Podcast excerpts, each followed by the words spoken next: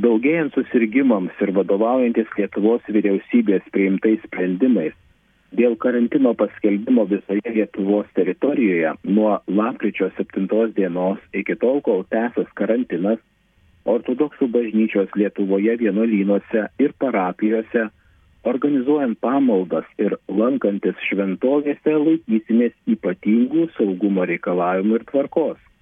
Karantino metu šventovės lieka atviros tiek visuomeniai, tiek asmeniniai maldai, bet visi turi dėvėti medicininės kaukės, naudotis dezinfekcinėmis priemonėmis, pamaldų metu turime riboti besimeldžiančiųjų skaičių, tai yra 10 kvadratinių metrų ploto vienam žmogui ir laikantis ne mažesnio kaip 2 metrų atstumo tarp asmenų ar asmenų grupių, iki 5 asmenų ar šeimos narių laikytis ypatingų taisyklių išpažinties, komunijos ir kitų sakramentų metu.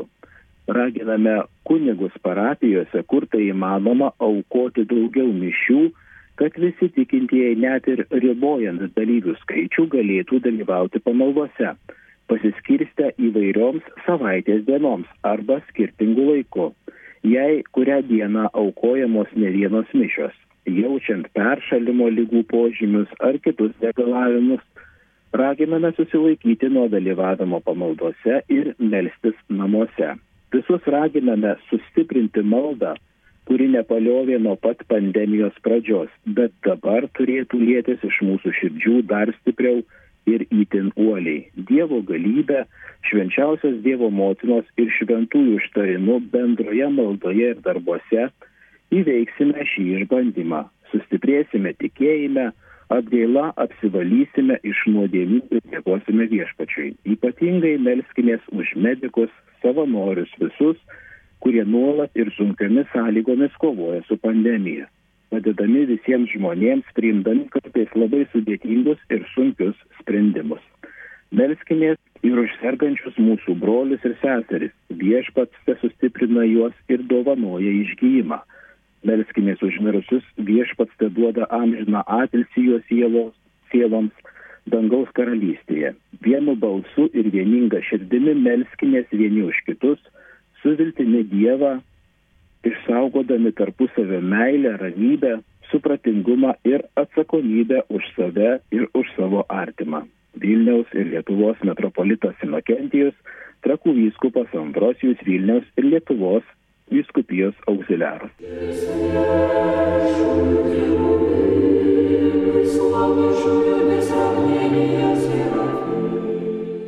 Lapkričio 12 dieną Maskvos patriarchato užsienio ryšių skyriaus vadovas metropolitas Hilarijonas susitiko su Lietuvos Respublikos ambasadoriumi Rusijoje Eitvidu Bajarūnu ambasadorių lydėjo lietuvos ambasados įgaliotasis ministras vytautas žalys. Iš maskvos patriarchato pusės susitikime dalyvavo skyriaus sekretorius prokurėjus sergijus zvonariovas. Susitikimo metu metropolitas hilarijonas papasakojo ambasadoriui apie užsienio ryšių skyrius kuris yra užsienio reikalų ministerijos atitikmuo veiklą, pasidalino savo prisiminimais apie darbą Lietuvoje. Susitikimo dalyviai aptarė santykius tarp abiejų šalių ir tautų, tarp konfesinį ortodoksų ir katalikų bendradarbiavimą, jau ilgą laiką veikiančio krikščionių tarp konfesinio konsultacinio komiteto, kuriame dalyvauja Lietuvos ortodoksai bei katalikai veikla metropolitas hilarijonas ir ambasadorius eitvydas bajarūnas išreiškė norą ir toliau vystyti bendradarbiavimą ir aptarė jo planus ateičiai. Pasisveikindami apsikeitė dovanomis. Metropolitas įteikė ambasadoriui kompaktinę plokštelę su savo kurta bažnytinė muzika, o ambasadorius įteikė rusų dailininko Sergijaus Safonovo albumą tytuvėnai dailės darbų, kuriuos jis atitiko jau daug dešimtmečių vasarodamas Lietuvoje tytuvėnuose rinkinį. Ši simbolinė dovana primena metropolito Hilarijono tarnystę Lietuvoje, kur tarp kitų pareigų jis yra tarnavęs ir nedidelėje parapijoje Tytuvėnuose.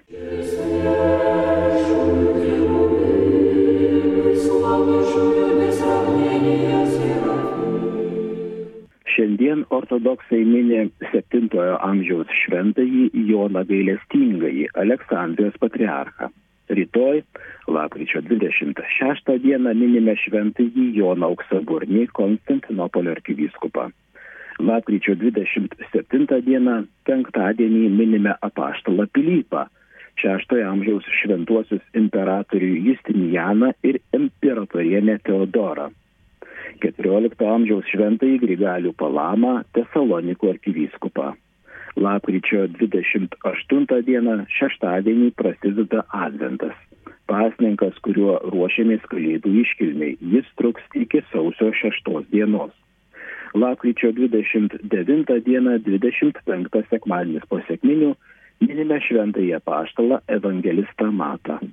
Lapkričio 30 dieną ateinantį pirmadienį minime trečiojo amžiaus šventąjį Grigalių stebukladarį Neocezarėjos vyskupą. Ateinantį antradienį gruodžio pirmą dieną minime visų Estijos šventųjų dieną.